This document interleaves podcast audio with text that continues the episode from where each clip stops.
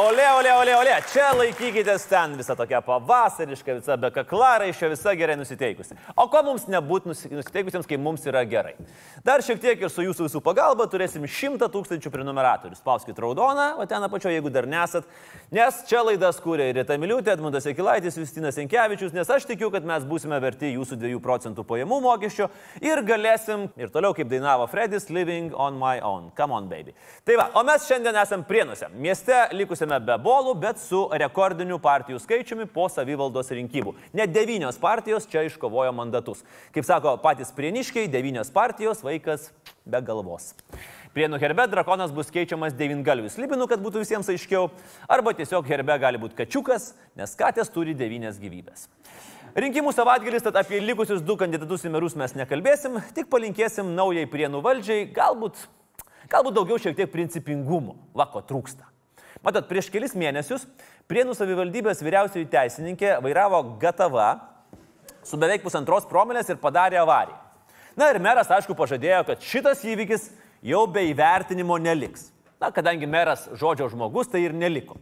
Buvo sujungti skyriai ir ta teisininkė gavo daugiau pavaldinių ir įtakos. Vat ironiška, kad prienuose griežčiausia tau bausmė yra ta, kad tu padarai karjerą prienuose. Na, o STT dar įtarė, kad administracijos direktorius dar ir popierius švelniai paklastojo, kad atrodytų, jog teisininkė darbo dieną 7.40 ryte su promelėmis atostogavo, o ne važiavo į darbą. Na, kaip žinia, čia yra sena prienų atostogavimo tradicija. Kai tavo atostogos, tu vakare įmeti, atvažiuoji ryte į darbą, bet neužeini, ir, o važiuoji atgal namo. Ir taip dvi savaitės. In your face palanga. Melo išvažiavo, bet prienuose melo nesumažėjo, kaip matome. Beje, čia galėtų būti labai neblogas regionų gaivinimo planas, pritraukiant talentingus, bet pagerti už vairo mėgstančių žmonės. Atvažiuok į prienus, vairo gatavas ir kilk karjeros laiptais. Bet puikus šūkis. Gal net mieste būtų galima padaryti specialią juostą, kur gali važiuoti tik tada, jeigu turi daugiau negu vieną promilę. Įsivaizduojat, koks originalus būdas pritraukti žmonės, specialistus į regionus. Ir kamščių problemos sprendžiamos užlipant ant kamščio. Na gerai, o kas nutiko šią savaitę Lietuvoje? Pavyzdžiui, Klaipėdoje. Klaipėdoje vykusių vaikų plaukimo ir vandensvidžio varžybų organizatoriai užlipo ne ant kamščio, o ant grėblio. Na, greičiau ant skardinės. Nes varžybų nugalėtojai gavo prizus. Konservuotų ananasų skardines. Nesvarbu, ar tu laimėjai auksą, ar sidabrą, ar bronzą, tu gauni aliuminio skardinę. Na, prizas, aišku, su gilia užuomina į prestižą, nes ananasas 16 amžiuje buvo prabangos vaisius. Toks dvelkiantis lengva arogancija, visi apie tai žino, ypač vaikai. Bet tada klausimas, kodėl konservuoti ananasą? Ir čia aš jau siūlyčiau rimtai pasidomėti vyriausiai rinkimų komisijai. Merų rinkimų antras turas ant nosies, o čia netgi ir vaikam brukami konservai. Aišku, galėtų kas nors pasakyti konservatoriams, kad Klaipidoje Bilotaitė į antrą turą neišėjo, galit nebesistengti. Tęsiam sporto žinias. Lietuvoje atsirado nauja, sparčiai populiarėjanti sporto šaka, kuri vadinasi guogabolas. Paaiškinu, tai yra daugiakovė, kurios metu dalyviai vienu metu žaisdami kortomis ir mėtydami krepšį turi palysti po vis žemėjančią moralės kartelę, kur galiausiai finalininkai jau turi lysti po plintus. Šios šakos įkūrėjas, europarlamentaras Antanas Guoga, buvęs liberalų pirmininkas, traukdamasis žadėjęs statyti bažnyčią ir balsuoti už konservatorius, vėliau trinėsis aplink valstiečius ir juos gyrės, vėliau žadėjęs trauktis iš politikos ir šią savaitę paskelbęs, kad vėl žygiuos į europarlamentą su Puteikiu, Puteikienė ir Krivicku, nes sutampa jų vertybės. Komentuodamas Guogabolo ypatumus, ponas Guoga pastebėjo, kad šiame sporte laimi tik turintis labai lankstų politinį stuburą, o jis siekdamas aukščiausių rezultatų stuburą savo netgi pats pašalino chirurginiu būdu. Kita vertus, gal Guogabolo įkūrėjas ir nemelavo.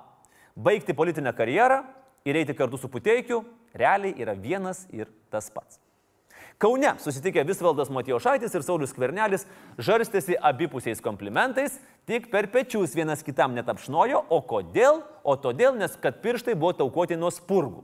Mat vyručiai nepraleido progos apsilankyti legendinėje Kauno spurginėje. Na, o kas dar labiau gali sieti du buvusius policininkus, jeigu nespurgos? Įdomu, vad, ką susitikusios dviese kur nors valgytų kitos Lietuvos politikos asmenybės. Na, Karbauskis su, su Gabrielium, aišku, čia ėstų vienas kitą, čia be klausimų. Nausėda, nesvarbu, su kuo susitiktų, valgytų šašlykus tiesiai nuo iešmo. Šimonytė su Kubilium nieko nevalgytų, nes jie gyvi dėl to, kad siurbė žmonių kraują. Kirkilas su Palusko aš jaučiu, kad irgi nieko nevalgytų. Nes Kirkilas dotacijos negauna, o Paluskas darbo neturi. Tai va. Skvernelis pagaliau paleido savo rinkimų kampaniją pilnu tempu. Ir spaudos konferencijoje šią savaitę pristatė tris mūzas. Tris komandos moteris. Komandos moteris sėdėjo ir šipsojosi kaip Monalizos, nes nebuvo komandos joms kalbėti. Bet tikros komandos moteris. Beje, trys mūzos yra komedija, tragedija ir Ausma Miškinienė. Kauno Švento Jono Pauliaus antrojo parapija savo Facebook anketoje informavo apie darbinį susitikimą su Lietuvos Respublikos ministrų pirmininku Koplyčioje. Priminus, kad bažnyčiai šiaip nederėtų dalyvauti politinėse kampanijose ir rinkimuose, parapija pareiškė, kad jokios politikos susitikime nebuvo ir pasiūlė gavėnios metu apmastyti, kodėl tokios kietos yra mūsų širdis. Na, mūsų širdis yra tokie jau organai. Pamato politinę pornografiją ir sukėtėja. Tikriausiai parapija apeliuoja į Evangelijos pagal Morkų e, dalį, kuris sako, nesuprato jie duonos sukūrimo stebuklo, nes jų širdis buvo kietos. Bet žinot, aš nenorėčiau būti parapijos klebono Andriaus Almanio vietoje, jeigu netyčia į koplyčią užsuktų Jėzus ir jo šefas pamatytų koplyčioje skvernelį. Nu ir pasakytų, kaip Evangelijoje minėjo Morkus, mano namai turi būti maldos namai, o juos pavertėt plėšikų lindynę. Na, vat, Biblija visada yra teisi. Premjero planas huliganas - įdėti į Astrovo atominę elektrinę dujas. Na, ilgai laukti nereikėjo. Atėjo Baltarusių atsakymas, ką jie galvoja apie Sauliaus kvernelio planą huliganą. Tai jeigu trumpai, tai atsakymas buvo maždaug toks. Ačiū pačiu, bet susikišk pasiūlymą į Duhovkį. O jeigu rimčiau, Baltarusijos energetikos ministerija pasakė, nematanti jokios prasmės, nes ir taip 95 procentai elektros gaminasi dujinėse jėgainėse, o atominė reikalinga diversifikacijai. Dabar įsivaizduokit situaciją. Tu kieme pili į automobilį langų apiplovimo skystį. Nu, tokį normalų, visai kultūringą. Kaimynas persisveria per langą ir tau reikia, kad tu ten geriau pilk vandenį. Na, tu mandagiai nusišimsai, linkteli, bet mintise pagalvoji apie labai konkrečią vietą, kur tam kaimynui eiti. Nu, va, taip su skverneliu pasiūlymu pasielgė ir Baltarusija. Beje, atsakymą vienam aukščiausių Lietuvos vadovų pateikė ne Baltarusijos prezidentas, ne premjeras, ir netgi ne ministras, o ministerijos departamento kažkoks vadovas, vadovėlis. Na, respektas ir pagarba už pastangas. Sauliau, bet visi sakė, nepaeis. Visi sakė, bus gėdos. Na, how do you feel now? Geroji savaitės naujiena. Buvęs separatistų rytų Ukrainoje vadas Igoris Girkinas, dar žinomas kaip Strelkovas arba Išgama, liko be pinigų ir be Putino privilegijų, todėl yra priversas pardavinėti aukso medalį, kurio buvo apdovanotas už indėlį į Krymo okupaciją. Vat įdomu, ar už tuos gautus pinigus Strelkovas užsisakys Kievo kotletą, nes nu toks gardus kasnelis buvo. Žinot, karma gal ir kalė, bet sąžinės atrodo, kad turi. Dar viena naujiena iš užsienio ir ne iš užsienio. Britai išrinko Vilnių pigiausių Europos miestų. Tai aš va dabar nebesuprantu. Prieš kurį laiką amerikiečiai Vilnių išrinko vienu pavojingiausių Europos miestų. Tai kaip čia dabar yra, kaip suprasti? Čia gal yra idėja Vilniaus savireklamai. Pavyzdžiui, Vilnius pavojingai pigus. Vilnius čia taip pigu, kad kelionės pabaigoje tau liks daug pinigų. Bet nesijaudink, pinigus iš tavęs atims. Neseniai pakeista vairuotojų girtumo, nus... o, dėmesio prienų valdininkai, neseniai pakeista vairuotojų girtumo nustatymo tvarka. Įpūtus daugiau nei pusantros promilės, po 15-30 minučių bus atliekamas antras toks patikrinimas ir oficialiu bus laikomas mažesnis rezultatas. Labai gera idėja. Manau, kad reikėtų ją pasinaudoti ir kitose gyvenimo srityse. Pavyzdžiui, kyšį gali imti du kartus.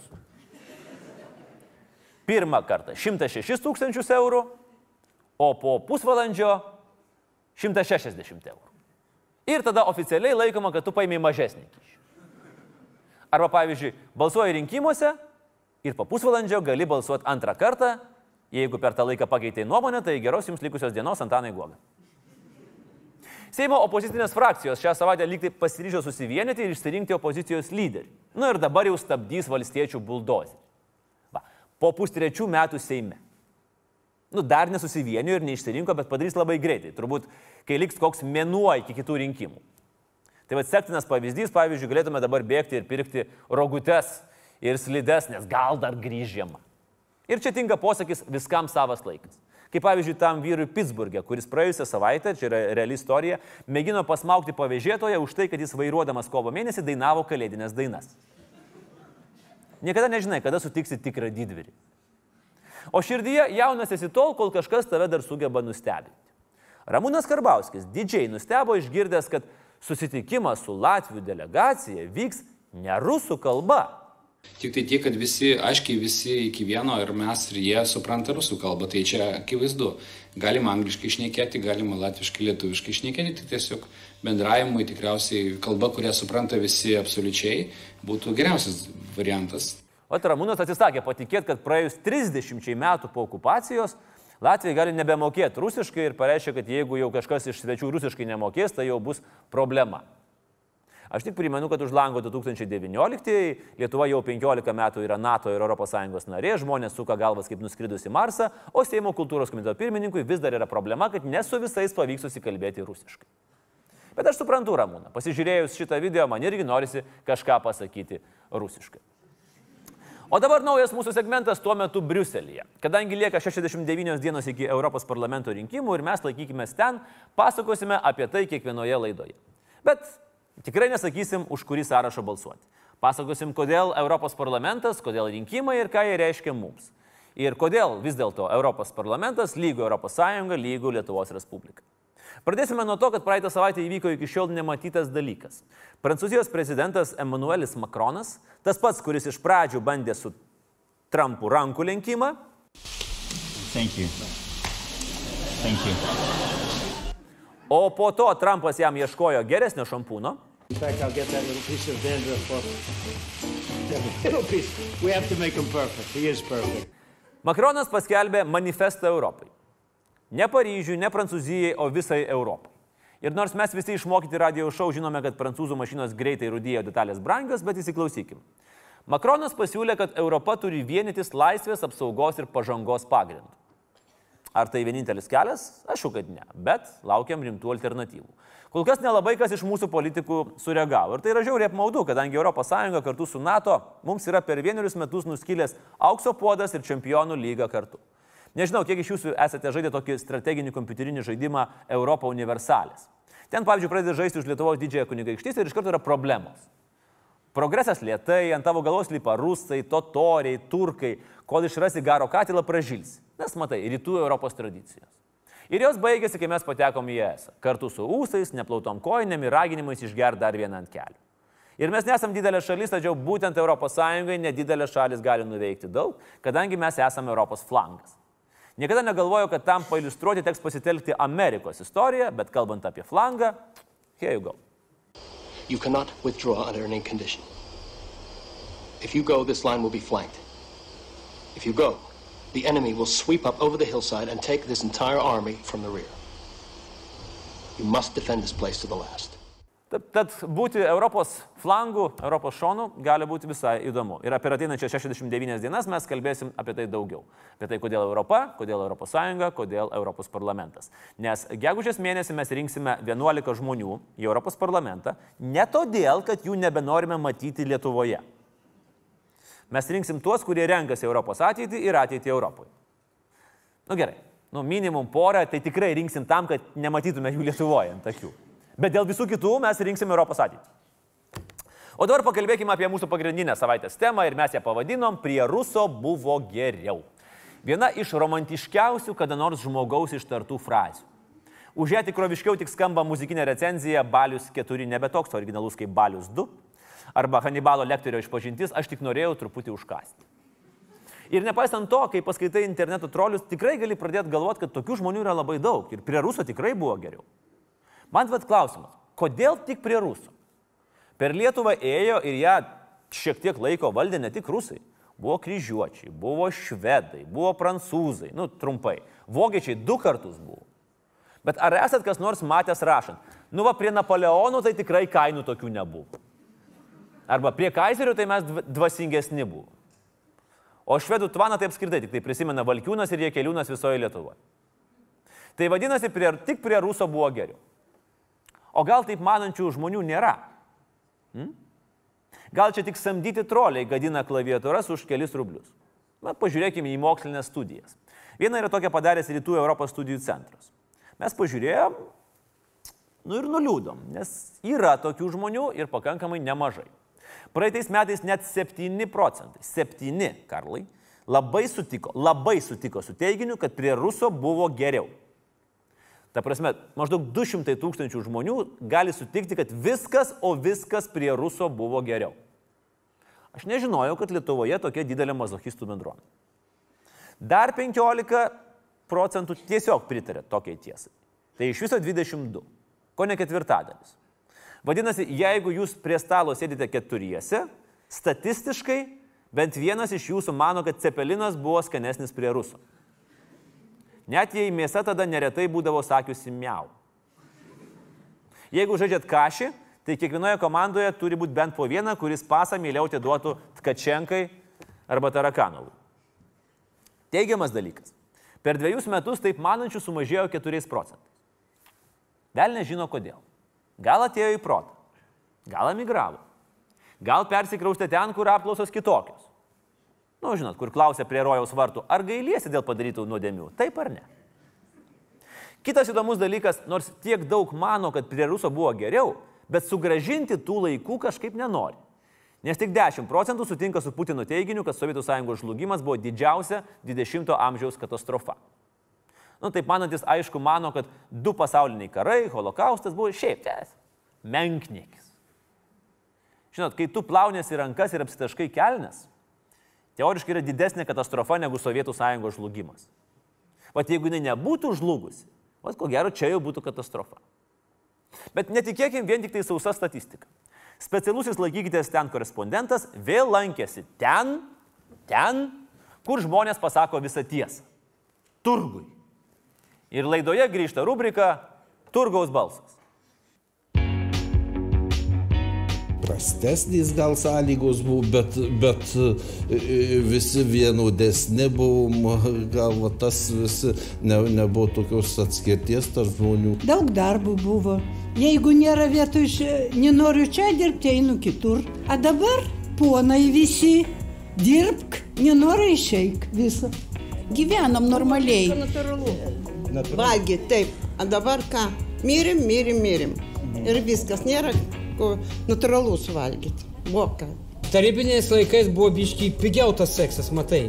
O dabar tai labai vis brang, brangu, supranti, nu nėra tokios meilės, o be meilėsgi nebus ir laisvės. Nu, jeigu paprastas žmogus dirba, buvo labai gerai. Kodėl?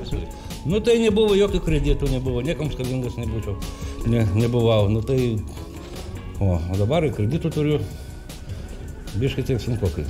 Iki buvo gerai. Buvo gerai tikrai. Ne, gerai, aš ne, Ne, aš man dirbau, negerai. man gerai, aš Vilniaus prekybai dirbau, atlyginimai buvo geri, nebuvo nei patyčių, buvo labai lengva buvo dirbti, man tikrai patiko. Man atvirkščiai, žinokit, nuomonė. O tau dabar geriau? Man dabar geriau.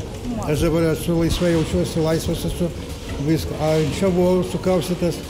Man Taip, man dabar geriau. Nu dabar aišku, kad dabar. Nu tai kalbos nėra.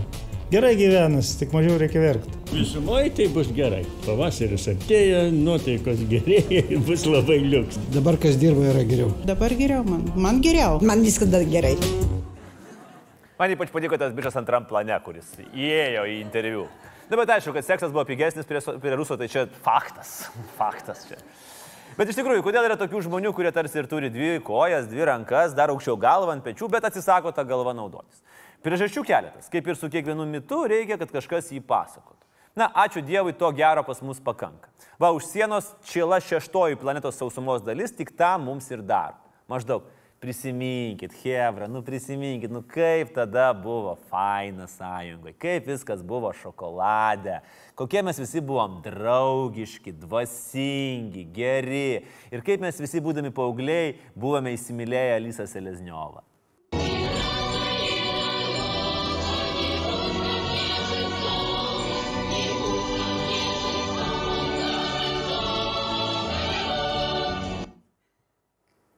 Ir tas naratyvas pilasi ne iš kokių nors analitinių straipsnių, baigi, tokie auditorijos straipsnių nelabai skaitom. Šiaip iš visokių filmų, serialų, visokie Ščivo Načinaica, Rodina, Doms Lylijami, Krasyvąją Žaizdinį, Uhadešėje Natūra, Farsa, Naždai Prastovė. Varo ir varo ir varo tą patį. Žiūrėkit, jų gyveno žmonės, mylėjo, kūrė, va kaip viskas buvo, be jokių ten nesąmonių, kapitalizmo, be jokios demokratijos, gyveno žmonės. Ir priminsiu, čia yra naujai Rusijoje susukti dalykai, kurie labai aiškiai dėlioja šitą teisybę, kuri yra aktuali režimui. O kur dar visokie pa- jį- juos papildantis tų metų šūrikai, kurias taip gerai žiūrėt per mūsų telikus nacionalinių švenčių progą, kuri irgi žiūrėkit. Viskas švaru buvo, šviesu, linksma. Kam neištrykš ašarą prisiminus likimo ironiją arba papirties? Я спросил у осени, где моя любимая. Осень мне ответила проливным дождем. Ir žiūri toji galva, kuri kaip mūsų kultūros komiteto pirmininkas supranta tik vieną užsienio kalbą ir neatsidžiaugia. O po to ima pykt. Tokį turtą iš manęs atė. Antra priežastis yra tokia, kurios ir maitinti iš šalies nereikia. Na, elementari nostalgija savo paties jaunoms dienoms. Kaip dainuoja Pink Floyd, The Grass was greener. Tik šiuo atveju vėl reikėtų ne angliškai, o rusiškai. Zilionaja, zilionaja trava.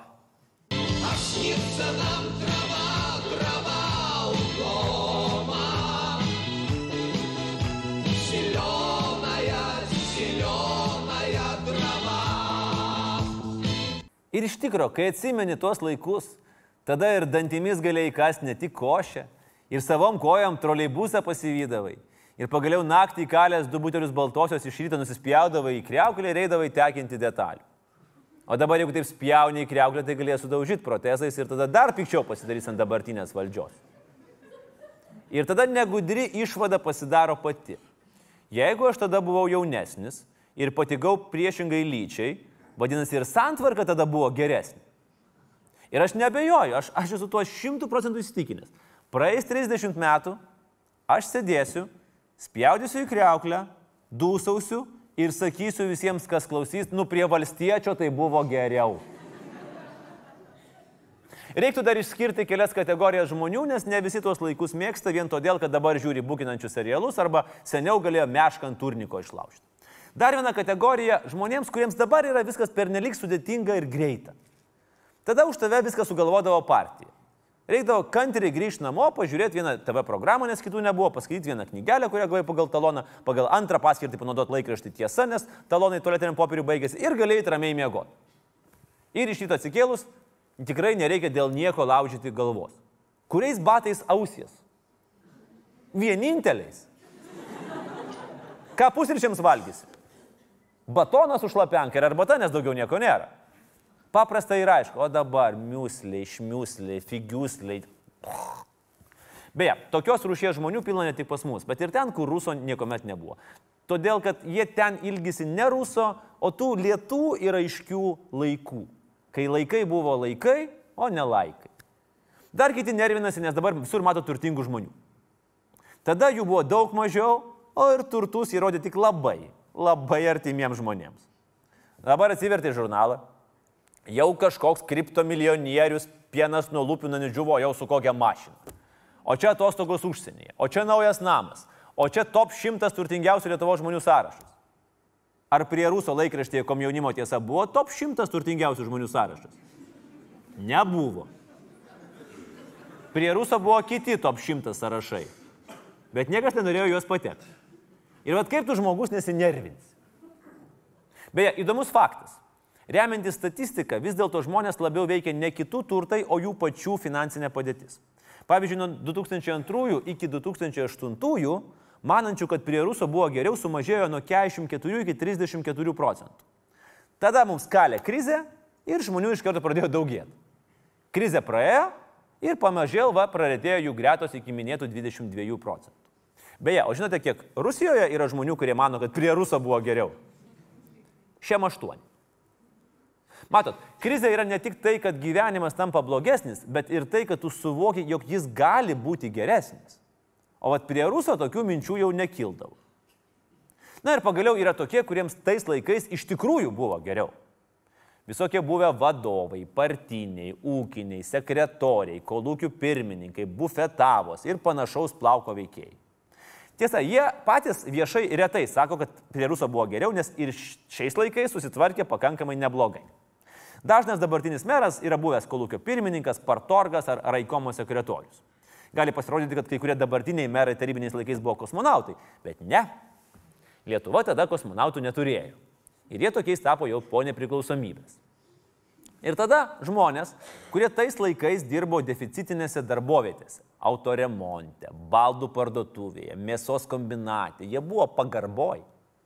Tais laikais sandėlio vedėjas buvo tokio lygio influenceris kaip Bieransas su Meskino kartu sudėjus ir pakėlus kubu. O dabar ką? Bet kas gali nusipirkti akumuliatorių, svetainę sekciją ir servilatą. Dirbi kokiam chemi servise, tai net tepalų nėra prasmės po skvernų išsinešinėti. Ir tada jautiesi nesvarbus. Ir tada siunti. Bet gana skustis. Laisvės televizijos Vatnikučių sekcija pristato sąrašą, kas prie Ruso iš tikro buvo geriau. Vaikai. Mūsų mažieji. Mūsų gyvenimo gėlės. Daugiau laiko prie Ruso praleisdavo gamtoj. Na, gal ne tiek gamtoj, kiek laukia. Na, gal ne tiek laukia, kiek kieme arba gatvėje. Nes namuose nebuvo ką veikti. Užsidedi raktelį ant kaklo ir eini į lauką ir žaidi klasikinį kiemo žaidimą, aukščiau žemės arba paimk pagaliuką ir iškas duobutį. Dabar pažiūrėkite lauką. Nėra žemėje duobių. Nebekasa vaikai. Tik gatvėse duobės. Ir žaisdavo tie vaikai smėlio dėžėse, kur savo reikalus darydavo ir šūnis, ir katės, ir kaimynas žora, ir nieko tiem vaikam nenutikdavo, nes viskas buvo ekologiška. Žmonės buvo saugomi nuo neigiamos informacijos. Dabar ką per teliką? Vien tik blogybės. Paukščių gripai, nukritę lėktuvai, radžio albumo pristatymai. O tada buvo vien tik pozityvas. Ir tu buvai tikras, kad viskas yra vo. O kai pastatysim komunizmą, tai bus vo ir dar nemokamai. Ir, žinot, kartais darosi nejauku, kai tu imi legendinį tų laikų tarybų Lietuvos kronikų balsą, uždedi šios dienos vaizdus ir kažkaip visai viskas tinka. Darbo valstiečiai ir naujakuriai reguliariai renkasi į pirkę skaityklą, kurioje nagrinėja rinkiminius nuostatus. Tarybiniai rinkimai yra demokratiškiausi jie rinkimai pasaulyje. Jie pravedami visuotinio lygos ir tiesioginio balsavimo pagrindu.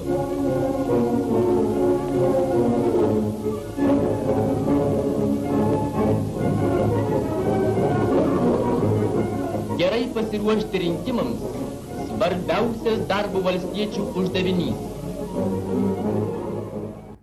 Niekas nepasikeitė.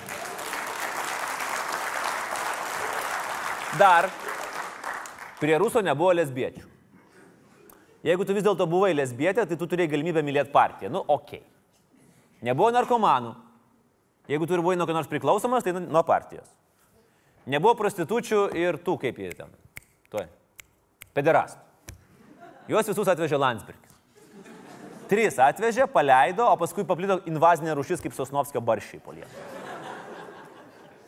Dar nebuvo reklamos, kuri visus užknisa juodai. Nebuvo ką reklamuoti, nutvarkoj. Bet jau geriau taip, negu šitą reklamą visur neįmanoma klausyti. Transportas buvo daug paprastesnis.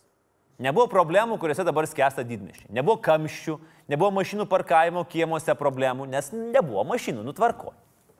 Ir ant tų pačių mašinų priežiūros mažiau pinigų reikėdavo leisti, nes žiguliuką galėjai pataisyti su šniūru, plaktuku ir atsuktuvu. Ir vienintelė problema buvo, kur gauti mašiną. O kai turi mašiną, buvo vienintelė problema, kur gauti tą, žinot, pavarų perjungėjo papuošimą. Ta rožė, va tokia. Kur gamindavo kaliniai nižnį tą gilę. O, ir tada tu būtum prašmatnus. Nes dar vienas dalykas. Prie ruso būti prašmatniam buvo daug lengviau. Pakakdavo sekcijoje pastatyti čekoslovakiško kristolo čierką, o ant stalo vengriškų žirnelių. Viskas. O dabar turi namuose du televizorius LCD, tris nešiojamus, pabrėžiu, nestovinčius, nestacionarius, ne nepajudinamus, o nešiojamus kompiuterius, hybridą garaže naujausią ir tave blind vis tiek vadina vidurinė klase. Geriausiu atveju, jeigu dar varai atostogauti balį, nu stiprių vidutiniokų. Dar nebuvo nedarbo. Vieną malką galėjo nešti 13 darbininkų, jas prižiūrėdavo 8 prarabai ir visi turėjo darbą. Tai šitą sistemą šiandien tik tai Seimas yra išlaikęs, kur viena Širinskė nedirba, o visi kiti žiūri. Bet etatus turi visi. Prie Ruso skaitėm knygas ir jos buvo įperkamos. Ir iš tikrųjų, lietuviškos knygos tada ėjo šimto tūkstančių tiražas. O dabar? Aš, pavyzdžiui, kaip liaudės rašytojas prie Ruso būčiau gavęs būtent Antakalnyje, paskirą baldų komplektui ir garantiją, kad valstybė nupirks man karstą, kai numirsiu. Dabar viską už savus. Ir iš viso kultūros dabar yra Lietuvoje nelik. Visiškai. Netikit. O pamėginkit gauti bilietą į Turando.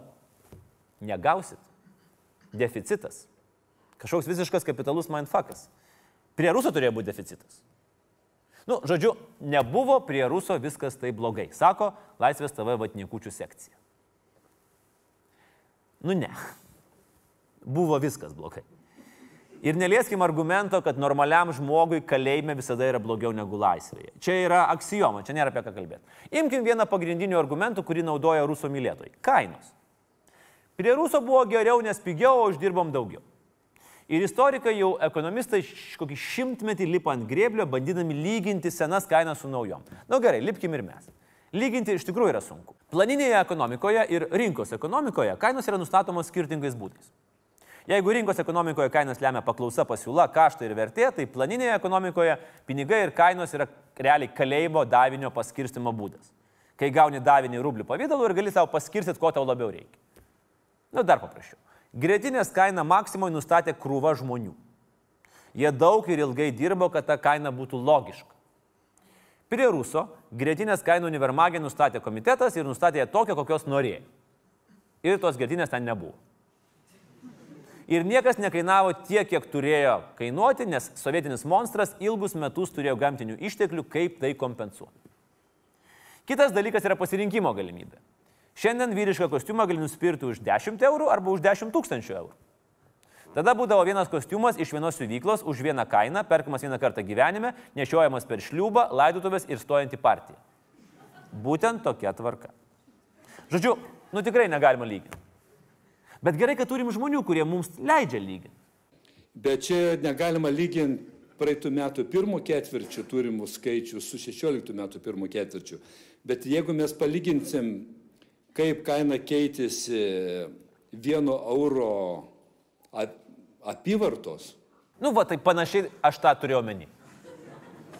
Tai pabandom palyginti paprasčiausią santykį.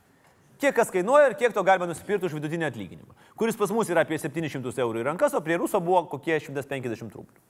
Paprastas baltas cukrus dabar kainuoja eurą už kilogramą, prie ruso 900 kapeikų. Prie ruso už algą galėjai nusipirkti 167 kg, dabar 700 kg ir tau diabetas faktiškai garantuotas. Naujas padarus golfas toks iš salono apie 20 tūkstančių eurų. Tau reiktų 28 atlyginimų, kad jį nusipirktum. Aštuntas žiguliukas prie ruso kainavo 8000 rublių. Tau reikėtų 53 atlyginimų. Benzino, kurio kaina taip džiaugiasi ruso mylėtojai, sovietmečių galėjai nusipirkti 375 litrus už vidutinę algą. Dabar apie 500. Na, imam oficialią lentelę, kurią mums pateikė statistikos departamentas su 86 metų kainomis. Prie ruso litras aliejaus kainavo rublis šiam 8 kapeikos. Dabar apie 2,50. Taigi už vidutinį atlyginimą prie ruso galėjai nusipirkti 90 litrų aliejaus, dabar 280. Jeigu pavykdavo rasti silkės, į tau atsijėjo rublį. Na, dabar apie 3,5 euro. Prie rusų nusipirtum 150 kg, dabar 200. Na gerai, o kaip su neoficialiom kainom? Kiek kas kainavo juodojoje rinkoje?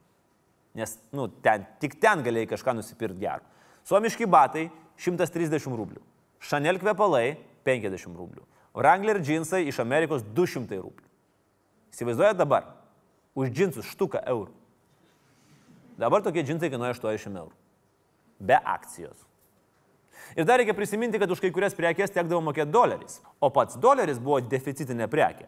Ir nors oficialus kursas buvo 1 prie 80 kapeikų, realybėje buvo 3-4 rubliai už dolerį. Ir tai dar labiau išaugindavo kainas. Mūsų pragyvenimo standartai ir produktų kokybė taip pasikeitė, kad daugelio kainų mes net nebegalim lyginti. Palyginkim tai, kas pasikeitė mažiausiai. Degtinė. Tas vat, etalonas, kuris buvo tapęs valiuta, nu, o jo kokybė bėgant metams išliko daugiau mažiau tokia pati. Tai 81 metais, po pabrangimo, butelis degtinės kainavo 5 rublius 30 kapeikų.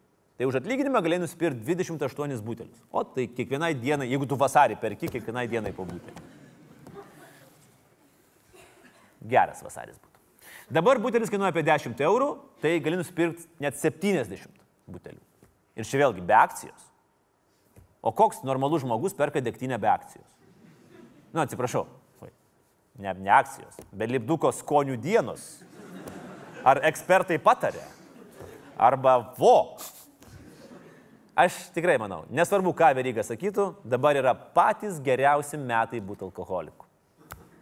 Ir visą tai pagal oficialias kainas, kurias reguliavo valstybė. Jeigu mes pradėtume analizuoti juodosios rinkos kainas, kur plaukiojo vakarietiškos prekes, galėtume išvesti labai grubų rublio ir euro santyki 2 prie 1, ne euro naudai.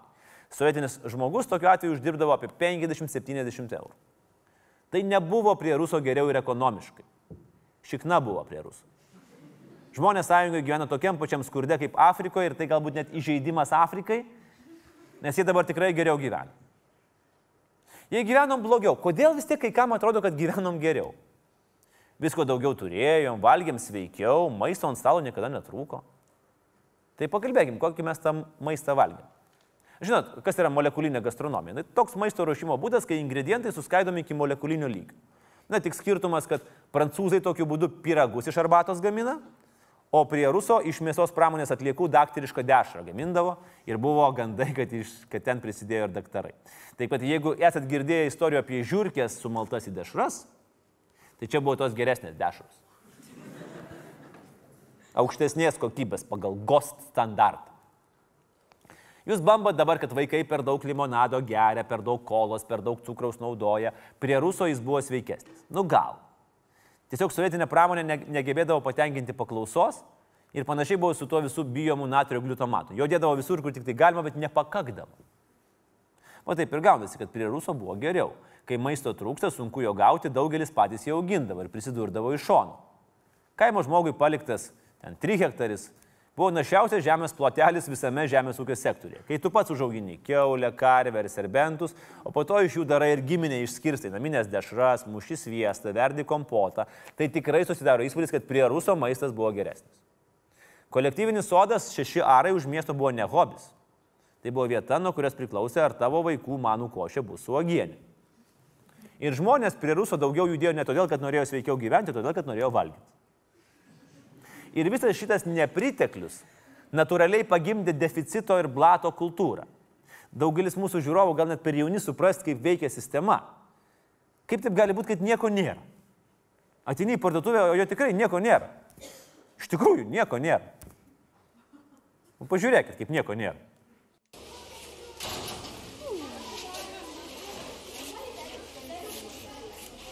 Stovėjimas eilėse buvo normalus laiko leidimo būdas. Ką veiksi pirmadienį, gal sustinkam? Ne, negaliu eiliai stovėsiu. Ai, nu tai einam kartu, pasišnekėsim, pabendrausim. Dabar stovėjimas eilėje prieš pasirodant naujam iPhone atrodo durnystė. Nu, nenusipirksi šiandien, nusipirksi rytoj. Sovietmečių stovėjimas eilėje prie žeminių batų buvo neišvengiamybė. Nenusipirksi šiandien, lauksi kitų metų ir vaikščiosi su basanoškim. Todėl žmonės bizniavo, suko reikalus ir vogė. O tie, kurie geriausiai vogė, buvo mylimiausi sovietinės visuomenės veikėjai. Nueini į teatrą, spektaklio pristatymas ir matai, kas sėdi pirmose eilėse. Parduotuvės direktorius, sandėlio vedėja, mėsos cecho viršininkas. Mylimiausi miestelio žmonės. Paimkime labai paprastą situaciją. Aš nus, užsimanau nusipirkti grotuvą. Pigiai. Nu, panaršau internete atsiliepimus, susirandu internetinę parduotuvę, kur pigiau, susimoku, man grotuvą atveža kurjeris į namus, grotuvas mano užtruko maksimum dieną. Prie ruso išsiklausinėjai visų pažįstamų, kur galima gauti grotuvą. Pažįstamo, pažįstamo, pažįstamas pasakoja, kad Kaliningrade matė jūreivių parduotuviai. Bet parduotuviai gali apsipirkti tik su čekiais. Čekio neturi. Bet vis tiek važiuoji ir sustoji prieš Kaliningradą tauragėjai ir iš pažįstamo pažįstamo nusipirki čekį. Tada nuvažiavęs susirandi spekuliantą, kuriam sumoki už tai, kad jis tau jį nupirktų. Tada tu nuperka, tada tu su juo turi išgerti ir važiuoji namo. Užtrunki vidutiniškai mėnesį. Ir tai nėra iš piršto laužta, o tikra istorija. Ir labiausiai nesuvokiama šioje istorijoje, kad tas žmogus už tokį technikos stebuklą sumokėjo 900 rublių. Jeigu pasitelksime ankstesnius skaičiavimus, tai jo kaina šiandien būtų 4000 eurų. Čia be sugerimo su spekuliantu. Pat šito galbūt pas mus sistemoje trūksta internetiniai. Važiuoja kurjeris su tavo grotuvu, sugerit su juo. Aš įsivaizduoju kurjerį po penkto kliento. Bet kaip vienišumo, sum- kaip sumažėtų vienišų žmonių? Nu, gatavų, ku- prienuose, gatavi kurjeriai. Va. Sakiau, kad aš be, be idėjos neišvažiuosiu. Na ir dabar jūs man nuoširdžiai pasakykit, kad tokia sistema būtų geriau. Aš tokioje sistemoje neišgyvenčiau elementariai. Ir ne dėl to, kad aš nemoku suktis. Jūs pažiūrėkite mane, aš kudas, aš tiek degtinės nepakeliu išgerti. Turbūt yra vienintelis argumentas, kodėl prie Ruso buvo geriau, kad tai buvo Paryžius. Apšvietos amžius. Kai visuomenė mokėsi laisvai diskutuoti, klestėjo kultūra ir įsibėgėjo mokslas. Na, aš aišku kalbu apie Žaną Žaką Ruso, prie kurio tikrai galėjo būti geriau Paryžiui. Dar prie Sandros Ruso galėjo būti visai neblogai, bet čia jau pasigūglinkit patys. O aš tai noriu palinkėti visiems, kurie turi tėvus, dėdės, senelius. Per giminės balių visada būna vienas toks.